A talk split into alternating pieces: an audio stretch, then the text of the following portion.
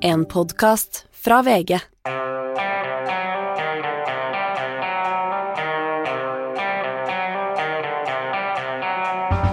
Ikke visste jeg at alle disse dagene som kom og gikk, de var selve uke 43. Mørkere og mørkere blir det, Hanne. Ja, og dette er bare begynnelsen. Vi er ikke kommet til november ennå. November er aller verst. Ja, og som om ikke været er mørkt nok, så er verdenssituasjonen kanskje enda mørkere. Å ja, du tenkte på verden. Ja, det orker ikke jeg å tenke på. Øh, lite du gjør, da, det skal vi tilbake til. Men det er øh, Når alt det er sagt, jeg syns at november er, nei, oktober er en ganske fin måned. Øh, november litt verre, men det er fortsatt farger og løv på trærne og sånne ting, i det minste. Ja da, men vi vet jo hva som kommer. Ja da, ja da, jo da. Men vi vet også at det, skal, det er en gjenfødelse etter hvert. For så kommer snøen, og det gleder vi oss til, Anne. Da blir det hvitt Det blir og lyst og vakkert. lunt. Lyst og lunt, og, og så kan vi gå på ski. Men altså, det er en, det er en veldig uh, alvorlig uh, verdenssituasjon, og jeg har litt sånn vi prøver å finne på forskjellige grep for å holde motet oppe her i podkasten, og litt morsomme ting også. Denne fredagen er litt mørk, altså. Jeg må bare si det. Ja. Eh, Hovedgjesten er eh, en veldig smart fyr som heter Tom Røsjø, som er hovedlærer i eh, etterretning. Spionasje på mer folkelig norsk ved, ved Forsvarets høgskole. Som skal svare på mange av de spørsmålene jeg har, vi har tumlet med denne uka etter arrestasjonen i Tromsø. Ja, det har virkelig vært spionuka, dette her. altså. Ja. Og, og, og det var du som egentlig først tok det opp, og nå har jeg spurt deg om illegalist. Eh, Det skal vi endelig få avklart hva en illegalist er. For I mellomtiden så har jeg drevet og sjekka litt eh, bakover og, og sett at illegalist var egentlig en hedersbetegnelse. Det er i norsk sånn motstandskamp og Kjartan Sønsteby og, disse gutta som i sin tid grunnla verdens gang, de og flere av de opptrådte som illegalister under den tyske okkupasjonen. Det var våre folk, vet du, Anders. Det var, det var våre folk, så det er bare spørsmål om hvem illegalisten er, hvem man spionerer på, hva som er, er sort og hvitt. Men vi har en nyhet også, Anne. Ja! Du er tilbake med egen podkast. Jeg er tilbake med egen podkast som fortsatt heter Skartveit, men det er flere år siden jeg hadde den sist. Ja, hvor lenge er det siden? Det var vel, Siste var vel i 2018 eller 2019, Magne? Var det 2020? Det er vanskelig å huske hva som egentlig skjedde før koronaen, og hvordan, hvordan eh, tingene var. Eh, Men nå er den litt annerledes, for nå er det mer eh, krigsvinteren, truslene vi står overfor, mindre personportretter og mer eh, hva skal vi si, nerding på krig og fred og sånn. Og vi begynner på toppen med, med, av engstelsespyramiden. ja, virkelig mørke. Nei, altså atomvåpen. Eh, atomvåpentrusselen som kanskje er enda mer truende nå enn den har vært. Jeg har intervjuet eh, Målfrid eh, Braut Hegghammer, som er professor på Universitetet i Oslo. En av våre fremste eksperter på nettopp atomvåpen. Ja, og som må jeg da også legge til også er en uh, morsom, uh, morsom akademiker, så det er, ikke, det er ikke bare gloom and doom, håper jeg, i dette. Nei, det er mye glu, men ikke bare glu. Og hun er veldig smart og veldig flink og har eh, mye å by på. Ja, og siden vi er så utrolig rause og snille, så er første episode er øh, gratis.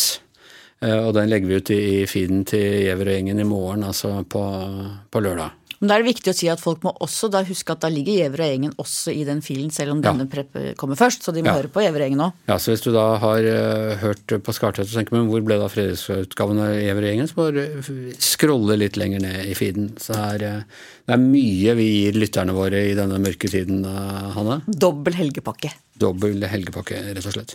Ellers, ja, denne uka det, har vært, det har vært mye krig og fred og politikk og sånn. Ja, ja, det eneste som har vært litt, ikke morsomt, men litt mer sånn lettere men Nei, det er også alvorlig, da, men den der Gjelsvik-affæren med rapporten, det har jo Det har vært den morsomme saken, fordi Morsomme den er sånn kranglete innen et lite krangel i andedammen. Ja, krangel i andedammen. og det har vært eh, litt, et lite deilig sidespor i alt alvoret. Og det er altså øh, kort oppsummert for de som ikke har hørt på oss tidligere, og som av en eller annen grunn ikke har fått med seg dette, så er det altså kommunalminister Sigbjørn Gjelsvik, tidligere leder i Nei til EU, som først ikke ville publisere en rapport de hadde bestilt, Kommunaldepartementet hadde bestilt fra Forsvarets forskningsinstitutt, som handlet om hvordan eh, utenlandske makter kan gå inn og prøve å manipulere norsk debatt. Da særlig eh, var vel tre temaer. Det var eh, EØS-debatten, klimadebatten og hva var den tredje igjen? Det burde vært innvandring, men jeg tror det var noe annet Nei, det var ikke innvandring. Nei, det Nei, det husker jeg faktisk ikke. Samme kan det være. Eh, EØS-motstanderne er dødelig fornærmet, og noen av dem, slett ikke alle, men noen av dem tror på en måte at eh, Forsvaret har gått ut og sagt at de er en slags russisk betalte agenter eller nyttige idioter for russerne. Og det er veldig rart. Det er en veldig rar forståelse av eh, begrepet scenarier. Ja, for dette er altså scenariet. Ja. Sånn tenk deg at dersom at hvis Og hva at, gjør vi hvis det og det skjer? Liksom. Ja, men det det i hvert fall har vist, er at eh, det mangler ikke på Altså, jeg mener at hvis jeg hadde vært russer, russisk trollfabrikant, så hadde jeg ikke giddet å gått inn og prøvd å ja- eh, jazze opp på EØS-debatten, for den er het nok som den er. Ja, men det betyr ikke at det ikke kan bli enda hetere. Ja, det er jeg ikke sikker på. Men jeg håper du har rett. Ja, eller jo eh, eh, men, men det er tydelig, det er et av de, de vanskelige temaene. Så tenker jeg at altså, enda mer enn klima. Klima er selvfølgelig også eh, mye, og liksom alt dette vindmøller og er naturvern, og det er så mange områder du kan gå inn på. Men innvandring er jo også, det har vært litt roligere de siste årene, men det er også en av de hotte. Der ville jeg gått inn og, og trykka på knappene hvis jeg var russerne. Ja, det er klart Hvis det kommer nye store flyktningstrømmer fra et annet sted enn Ukraina, Ja. eh, over Middelhavet, så tror jeg vi ser hver gang tallene går opp fra med, hvor det er asyl, asylsøkere og flyktninger og migranter fra fjernere områder, så spisser debatten seg til igjen. Da får Frp vind i seilen, og da blir det det som blir det store temaet. Men nå har Og det ikke vært så mye. dette har jo russerne all mulig altså De kan både jazze opp debatten og åpne grensa på Storskog, så har de en dobbel whammy å plage oss med. Ja, og det skal du ikke se bort fra at kan komme til å skje. Nei, de er, de er jo beskyldt for å gjøre øh, vel så ille ting. Hvilke andre ville du gått inn i? Abortdebatten, er den øh, Og eh, transedebatten, kanskje. Den Ja, er jo, der er også, kjønnsdebatten. kjønnsdebatten. Der er også eh, potensialet for mye. Vi ser at den er veldig, veldig hard. ja, Strømdebatten er faktisk her. De fleste debatter blir ganske harde nå. Er det fordi russerne allerede er inne i, øh, på innsiden av huene våre, Anne? Ja, det er det der. Det, er der de har vært og pest på. Nei, jeg tror vi har klart det ganske godt sjøl. Det er klart strømdebatten, når når det kommer på lommeboka til folk, og alle priser går opp, og folk virkelig sitter, ligger kanskje våkne om natta og tenker på hvordan skal vi klare den strømregninga. Nå har all maten gått opp i pris. Da blir det mer tett på livet, og, og da tror jeg det er lettere å fyre opp folk òg. Men Hanne, dette slo meg nå. Altså, vi har egentlig i alle år vi jobbet som sånne russiske trollfabrikanter. Eh, Det er jo ikke noe tvil om at i mediene så har vi drevet og jazza opp stemningen på I dette tremmelig fredelige landet så har vi klaga litt å det er altfor lite politiske motsetninger i Norge og vi har ikke noen ordentlige debatter. Og så har vi, har vi vel gått inn og av og til kalt en spade for en gravemaskin og prøvd å, erte opp folk mot hverandre. Ja, og debatt i seg sjøl er jo ikke feil, men er, når du sier det, så tenker jeg at i USA var man også en tid veldig bekymra for at det var for lite motsetninger mellom demokratene og republikanerne. Om det, politikken skulle bli for kjedelig, at de måtte få litt mer motsetninger. De har virkelig fått det de ønsker seg. Ja. Og kanskje vi er i ferd med å få det vi ønsket oss da. Anders. Ja, og da må pressen bli sånn berolige, beroligende og si at nei, nei, dette er ikke så farlig. For samfunnsoppdraget blir et helt annet, tror du det? Nei, og jeg tror at sant, debatt i seg sjøl er sunt. Det som er problemet er hvis folk begynner å mistenkeliggjøre hverandres motiver Ja. og begynner å, å karakterisere hverandre framfor å snakke sak. Men vi, i, i debatter om sak, også type EU-debatten, og sånn, er det jo bra hvis det er motsetningen kommer ordentlig fram og det er litt temperatur. Men allerede sånn i 72 så var det sånn ja-sida mente at eh, nei-sida var masse sånn nisselue-idioter som ikke eh, skjønte noe av utlandet og, sånne ting, og nei-sida mente at eh, ja-sida ville selge landet. var ganske harde fronter den gangen også. Absolutt. Du hadde bare ikke sosiale medier til å virkelig sette fyr på det, liksom? Nei, og 94 var jo det samme. Da tror jeg også VG hadde noen ledere som var ganske skarpe mot eh, De var ikke så forsonende. Nei, de var ikke så forsonende. Nei. Ok, eh, vi er blitt eh, snillere og eldre, eh, eldre med tiden. Men det skal altså dreie seg om spionasje i dag, og derfor er det en glede å kunne ønske velkommen til fredagens hovedgjest, Tom Røseth. Tusen takk for det. Du er altså hovedlærer i etterretning ved, ved Forsvarets høgskole. Ja, det stemmer. Ja. Vil man på et mer folkelig vis kunne si at du er hovedlærer i spionasje? Eller er etterretning mer enn spionasje? Eh, Etterretning eh, er jo så mye, og det å bruke spionasjebegrepet blir eh, Ja, det høres kanskje bra ut, men det beskriver bare en del av en aktivitet som er mye større. For etterretning er informasjonsinnsamling og bearbeidelse. Ja, det er det. spionasjen er bare innsamlinga. Ja, og gjerne rendyrkelse av en spesiell bit av det, for det er ganske møysommelig og kjedelig arbeid eh, brorparten av tiden. I etterretningen eller i spionasjen? Begge deler. Ok. Eh, denne eh, uka så har vi jo blitt presentert for et Eller det er revitalisering, vil jeg si, av et gammelt begrep som jeg husker fra spionlitteraturen på, på 60-70-tallet, nemlig illegalist. Denne personen som er blitt da i dag blir siktet for spionasje, vel. Han er blitt omtalt som en illegalist, og hva vil det egentlig si? Slik som PST fremmer det, så er det en person som har etablert et nettverk gjennom å ha en uh, dekke, et dekke. Altså hvis vi sier at han utgir seg for å være noen andre enn det han er i sivilsamfunnet i Norge. Så det er en person som da ikke nødvendigvis er den som innhenter, men den som tilrettelegger for innhenting. Jeg syns eh, de skillene er litt eh, utfordrende. Det er ofte en dynamisk oppgave, dette. Og skillet mellom tilretteleggelse og nettverksbygging og innhenting er kanskje ikke så sterkt eh, nødvendigvis. Men er, det, er ikke det ofte samme person som både Altså, hvor stort apparat kan man ha rundt seg hvis man er illegalist i et fremmed land? Ja, jeg tenker denne personen eh, da eh, muligens har tre oppgaver. Det ene er å da opprettholde et, eh, et dekkidentitet som er vanntett og som er troverdig, og, og, hvor den spiller ut en rolle fullt ut.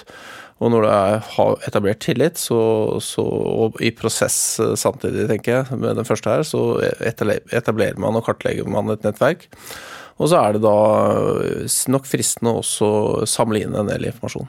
Men mitt første møte med illegalist det var egentlig gjennom når jeg leste sånne bøker som motstandsfolk skrev etter krigen, om, eh, og, og historiene om gutta på skauen og, og, sånn, at, eh, at, de var illegalister. Altså Kjakan, Gunnar Skjønsteby, han opererte med en haug med identiteter, og, og var, da brukte det ordet som med, med stolthet illegalist. Mm. Ja, at du da har en, en annen identitet, og ja, illegalistbegrepet, jeg, jeg syns det er en, eh, en, noe direkte oversatt eh, begrep fra, fra, engelsk. Eh, men det er jo at vi har historikk på det, er jo noe vi må ta med oss. Samtidig så tror jeg det folk flest ikke er helt sikre på hva det ligger i det begrepet, så det er nok litt utfordrende. Og det kom litt sånn plutselig med denne saken nå i Tromsø. Ja, Det var PST som brukte begrepet, rett og slett? Ja, ja og det øh, Eh, jeg tror nok mange lurer på hva som ligger i det begrepet, det, men de har jo forklart det. Eh, samtidig så er det jo Hva er forskjellen med f.eks. For med å være en agent eller en eh, under dyp dekke, da, som kanskje er mer etablerte begreper. Men uansett, den mistenkte og den rollen den personen har hatt, er jo den samme uansett hva vi kaller det. Men hvis du f.eks. er ansatt på et uh, fremmedlands ambassade, og du har etterretningsoppdrag, Eh, men du har det navnet og identiteten du er. Du er liksom kulturattaché så og så. Er du da illegalist, eller fordrer det at du kaller deg noe annet og liksom har en, en, en oppbygget falsk identitet?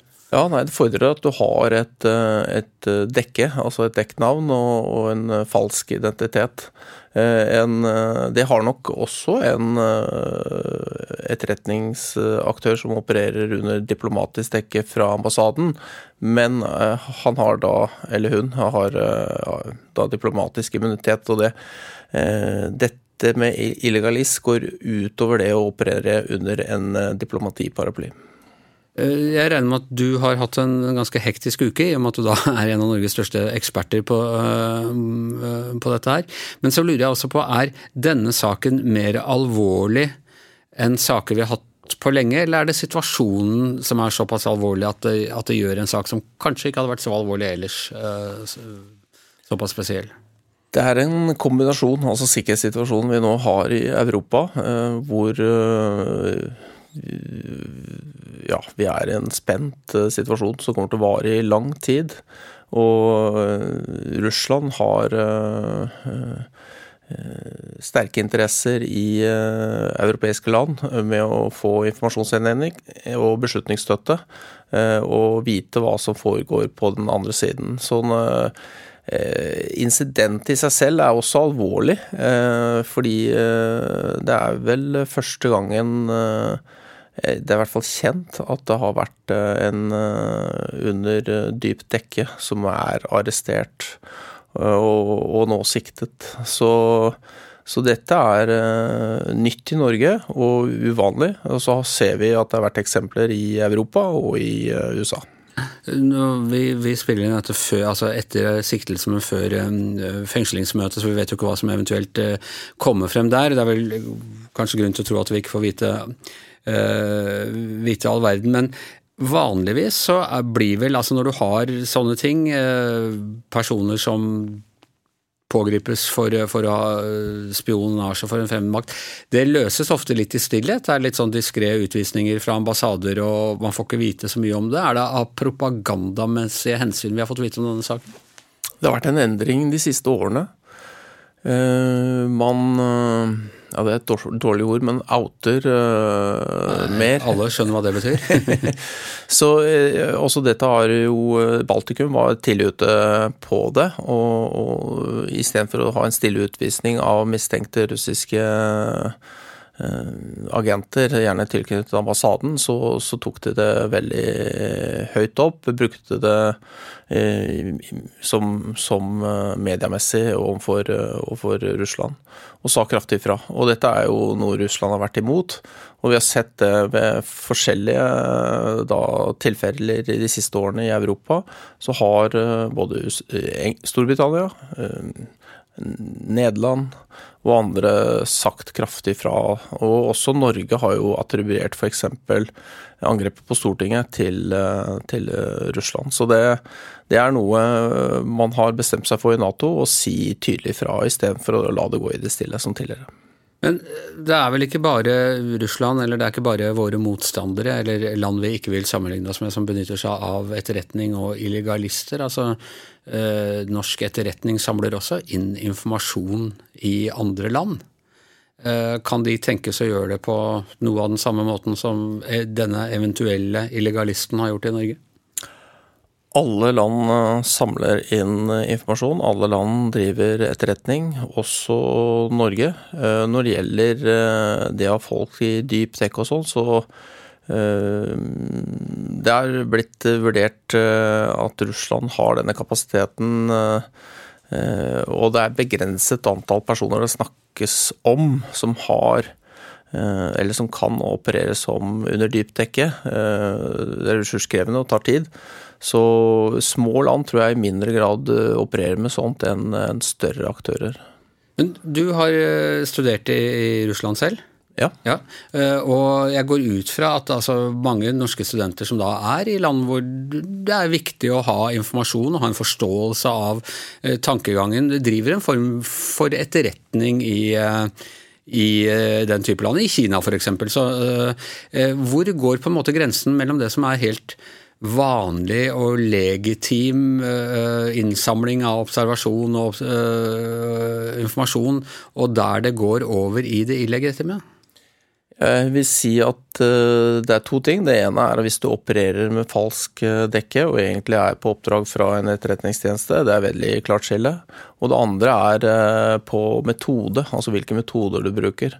Eh, bruker du da klassiske etterretningsmetoder eh, som at du gjerne presser folk eller lokker folk eh, med, med goder, eller at du utnytter deres ideologi. altså Det er jo gråsone i forhold til hva som mm. er Eh, etterretningsmetode og, og, ikke. Men uh, hvis du bruker da press eller lokkemidler uh, til å få informasjon som er sensitiv, som du også vet er taushetsbelagt, så, så, er jo det et kraftig skille i forhold til det å være en vanlig nysgjerrig student eller diplomat som får informasjon gjennom helt vanlige åpne kanaler. Eh, og så kan jo den også i prinsippet være sensitiv, men du bruker da ikke det hjem eh, til eh, å bli en del av en etterretningsrapport som da forelegges militære eller sivile beslutningstakere hjemme.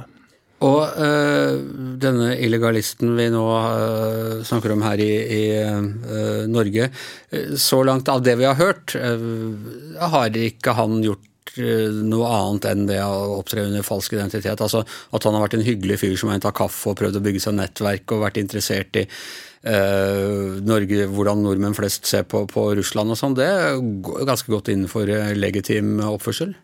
Så langt vi vet. Men siden han da opererer under dekket, så har han brutt Eh, i hvert fall eh, loven i det landet han har tatt dekket fra, for det første, og også i forhold til eh, norsk lov. Og så er det da hva han har gjort av handlinger, og om han har da prøvd å tilegne seg statshemmeligheter. Så er det jobb på et universitet, hvor mye kan aksess har du? Men et universitet er et viktig senter for eh, kunnskap og forskningsfront, og det kan være at eh, det gjennom da eh, aksess av personer der kan få vite mer om beslutningsgrunnlaget f.eks. hos noen politikere eller eller vite hvordan eh, Norge da anlegger totalforsvaret sitt og identifiserer sårbarheter og sånne ting. Så det, det er eh, spekulasjon, selvfølgelig, men det er, det er noe PST da sikter ham for. Ja, Men nå vil jeg tro at disse studiene, fredsstudiene og sånne ting, de sitter kanskje ikke på de største, mest sensitive hemmelighetene for rikets sikkerhet? Nei, eh, kanskje ikke. Eh, det, altså, det var prosjekter, uten at jeg vet detaljene i det, som, som, eh, så på sårbarheter ved norsk totalforsvar. Kanskje også når det gjelder olje- og gassektoren. Så det er nyttig informasjon. Men det kanskje det mest sårbare er det at han tilrettelegger for annen aktivitet. Altså han identifiserer kanskje mulige kandidater som andre i eh, det russiske eh, etterretningsnettverket kan tilnærme seg, gitt at han finner personlige karakterer hos disse som, som gjør at de er tilnærmelige. Da. Hvilke mandat har da våre egne altså øh, I og med at vi da har en E-tjeneste i Norge, så går jeg ut fra at de samler inn informasjon, og at de også da benytter det du kaller etterretningsmetoder i andre land. Det må jo være eneste yrkesgruppe i Norge som på en måte har lov til å bryte loven, da? Ja, ifølge norsk lov så øh, er E-tjenesten pålagt oppgaver øh, som da kan bryte lov i andre land. Så at, eh, sånn sett så står vi Det er ikke noen grunn til å hisse seg opp moralsk over at russerne gjør dette mot oss. Eh, det er en del av gamet, liksom? Det er en del av gamet. Samtidig så når du da tar en person som er en uh, under, under falskt dekke i eget land i en så spent situasjon, så er det viktig og, og nødvendig å reagere. Vi har jo ofte opplevd at f.eks. Russland utviser diplomater hvis det er et land de ikke har likt og hevder at de er eh, spioner, og det skjer i jo, jo mer autoritære stater man har, jo oftere har jeg inntrykk av at de utviser uh, spioner uh, i anførselstegn. Så det er, en, det er en slags metode, det òg. Altså, det er ikke nødvendigvis så vanskelig å definere en, eh, en spion, eller eh, fordi man faktisk har i oppgave å samle inn informasjon. Ja, og så lenge denne innsamlingen foregår åpent, og du samler etterretningsinformasjon i landet du jobber i uten å bruke etterretningsmetoder, så, så føler sjelden til reaksjoner. Men det er når du trår over grensene og du blir fersket på det, at du da blir utvist. Og så speiles jo ofte dette, da Eh, av staten eh, som du eh, hvor den personen hører til, du, som du utviser. Så for eksempel så, så utviser jo da Russland samme antall diplomater som man da utviser i eget land. Ja, det er sånn noe for noe-prinsipp?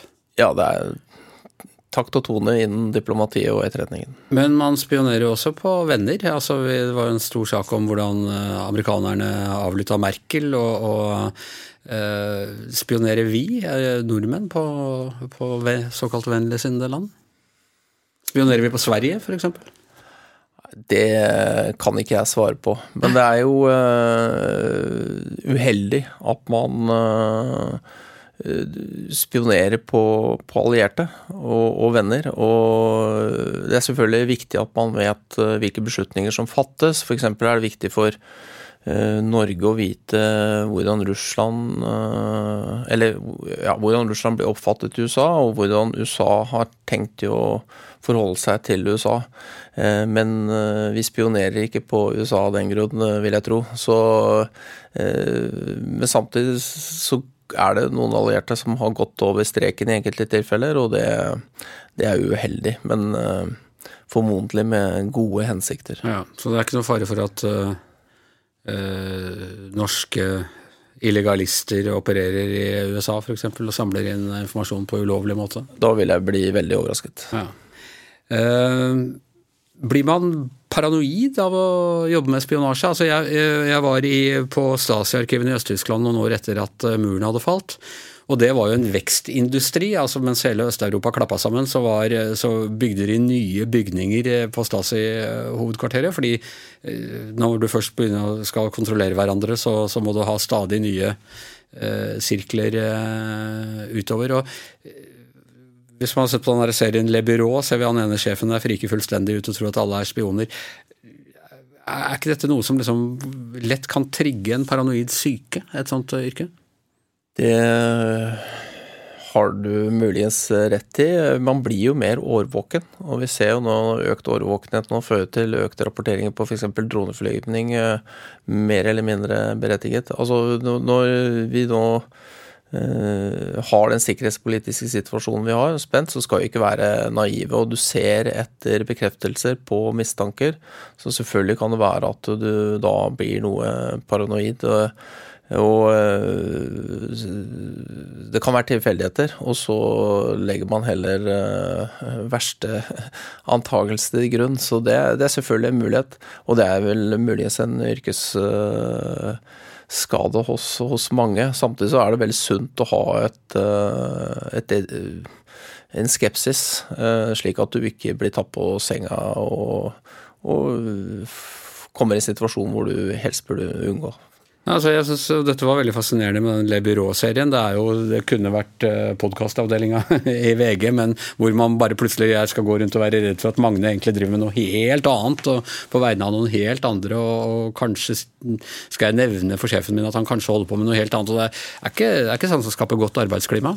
Jo, altså Nei, det, det Altså paranoid i forhold til kolleger tror jeg ikke er så utbredt, men det å ha øh, ha eh, paranoid eh, tanke rundt eh, tilfeldigheter i hverdagen som, som kan gi grunn til mistanke, eller når du er på reise.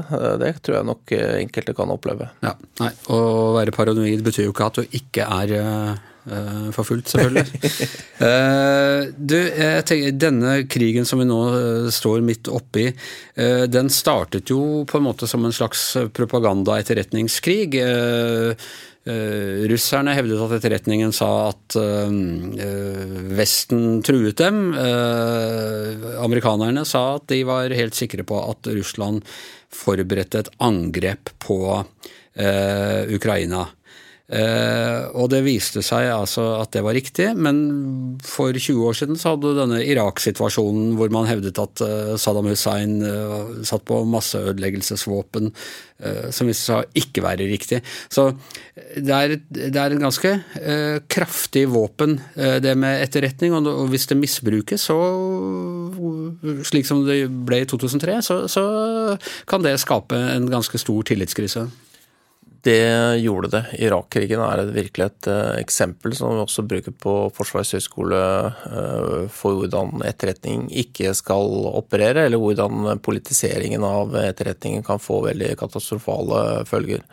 Så det har man eh, lært mye av. Jeg tror amerikanerne har lært ekstremt mye av det. Her det, var det veldig forskjellig. Altså, Den gangen prøvde man å få til en krig. Eh, nå eh, er det det at man prøvde å unngå en krig. To veldig forskjellige motivasjoner. Og så har man brukt etterretning på en veldig spennende måte. Eh, det har vært en veldig viktig måte. Det å avre, eller nedgradere etterretning og bruke det politisk har her ført til at Russland ikke har kunnet komme med et narrativ og, og skapt tvil. Man har kommet med fakta på en ekstremt god og tidlig måte. Og til og med avslørt intensjonen til Moskva om å angripe kort tid før. Og det har jo ført til at Moskva ikke har kunnet uh, hatt en falsk flaggoperasjon Uh, I f.eks. Dobas med å si at uh, det er et angrep der, så vi må gripe inn og invadere. Uh, Russland har vært bakpå informasjonsmessig i den krigen. Og de, når Russland også i tillegg prøvde å formidle minst mulig og skapte lokk på sitt eget samfunn når det gjaldt informasjon, Eh, så var det jo bare en, et, sted å se til informasjon, og det var jo ukrainsk side eh, og, og vestlig eh, avgradert etterretning. Og fallhøyden er jo ganske stor, ikke sant? Hvis, hvis, vestlig etterretning da For man skal jo være kritisk. men hvis de da har rapportert feil over tid, og vi hadde, hadde nok avdekt det så, så, vil jo de miste sin troverdighet igjen. Men her, det har vært på en måte en gjenreisning av eh, vestlig etterretning, og spesielt amerikansk og britisk etterretning. Eh, varslingen av denne krigen, og hvordan de har brukt etterretning. Og så er det selvfølgelig kanskje noen utfordringer og minuser med å bruke etterretning på den måten. Eh, men det fremstår troverdig, og det er veldig faktabasert.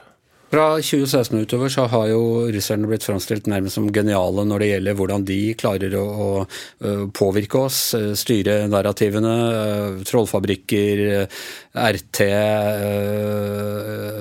og, og, i det hele tatt. Er det, har denne krigen snudd noe på det? Har, har man liksom klart å hva skal si, skyte ned deler av den russiske propagandaoffensiven? Ja, i Vesten så vil jeg si at uh, det er ikke mye plass til russisk uh, retorikk. og det har gjort at Moskva ikke kunne så noe særlig spiler inn.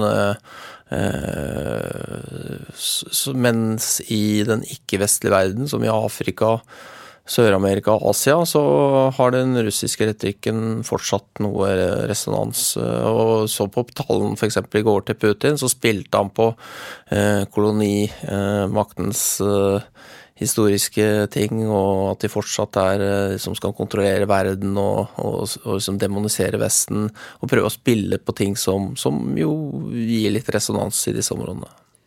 Eh, Denne uka har det vært en diskusjon om eh, hvorvidt russerne går inn og, og eller eh, fremmede stater går inn og påvirker norsk debatt, slik man, slik man har gjort i USA og England og sånn tidligere. Og noen har blitt sinte over at man fra Forsvarets forskningsinstitutt har, har trukket fram EØS-kampen som et eksempel. Er det et, og De sier jo at dette er, det er ikke noe de sier skjer, men dette er et scenario. altså en, Et tenkt område hvor russerne kunne tenke seg å, å gå inn og, og, prøve å påvirke. Tenker du at det er et realistisk scenario?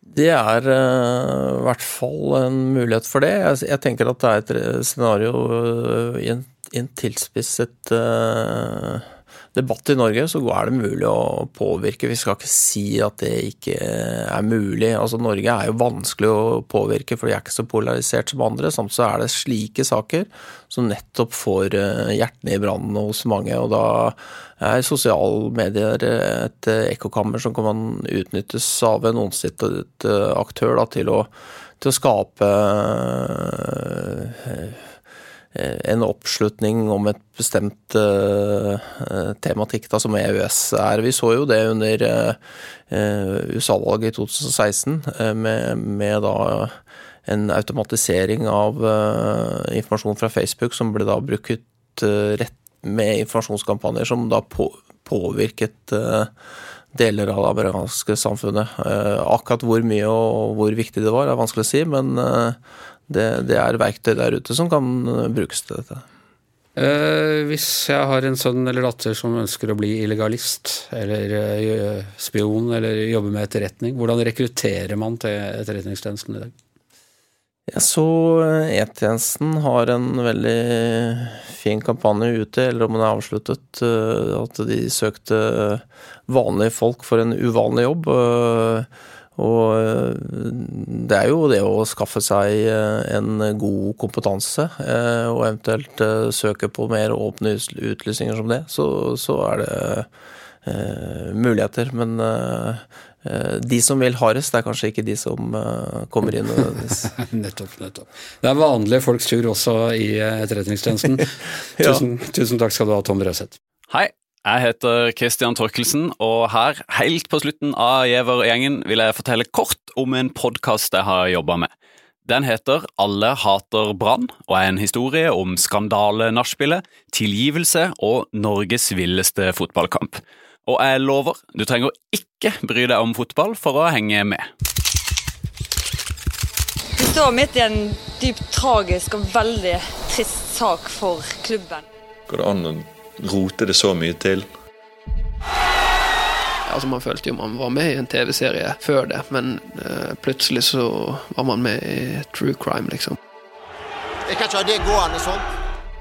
skal jeg virkelig vise støtten min til dette laget, som har hatt dette året, dette nachspielet, og som ennå ikke har ryddet helt opp. Hva er det som skjer? Hva er det som skjer? Og det er tidenes drama! Er det mulig? Er det mulig? Hør miniserien Alle hater Brann i Podme-appen og på VG+. Ja, Hanne, vil du anbefale noen av barna dine å bli illegalist? er det noen av dem som drømmer om å bli illegalist? Nei, det tror jeg ikke. Men jeg tror kanskje at noen barna mine har lyst til å jobbe med internasjonal politikk på et nivå. Du har jo en sønn som har avtjent verneplikt. Det er, ikke, det er jo øh, ikke helt vanlig i dag. altså. Nei, og som studerer internasjonal politikk. Jeg Ja. tenker at Etterretningstjenesten, det å jobbe der, det er en prisverdig veldig bra jobb. Ja. Eh, Det er for seint for vårt vedkommende å, å gå inn i eh, E-tjenesten, Eh, men, men det er kommende generasjoner som kan eh, innhente informasjon for oss. Informasjonen her fra Giæver og gjengen er over eh, for denne gang. Tusen takk til Tom Røseth, tusen takk til Hanne Skartvedt. Jeg heter Anders Giæver, og vår eh, helt 100% legale produsent er som vanlig Magne Antonsen.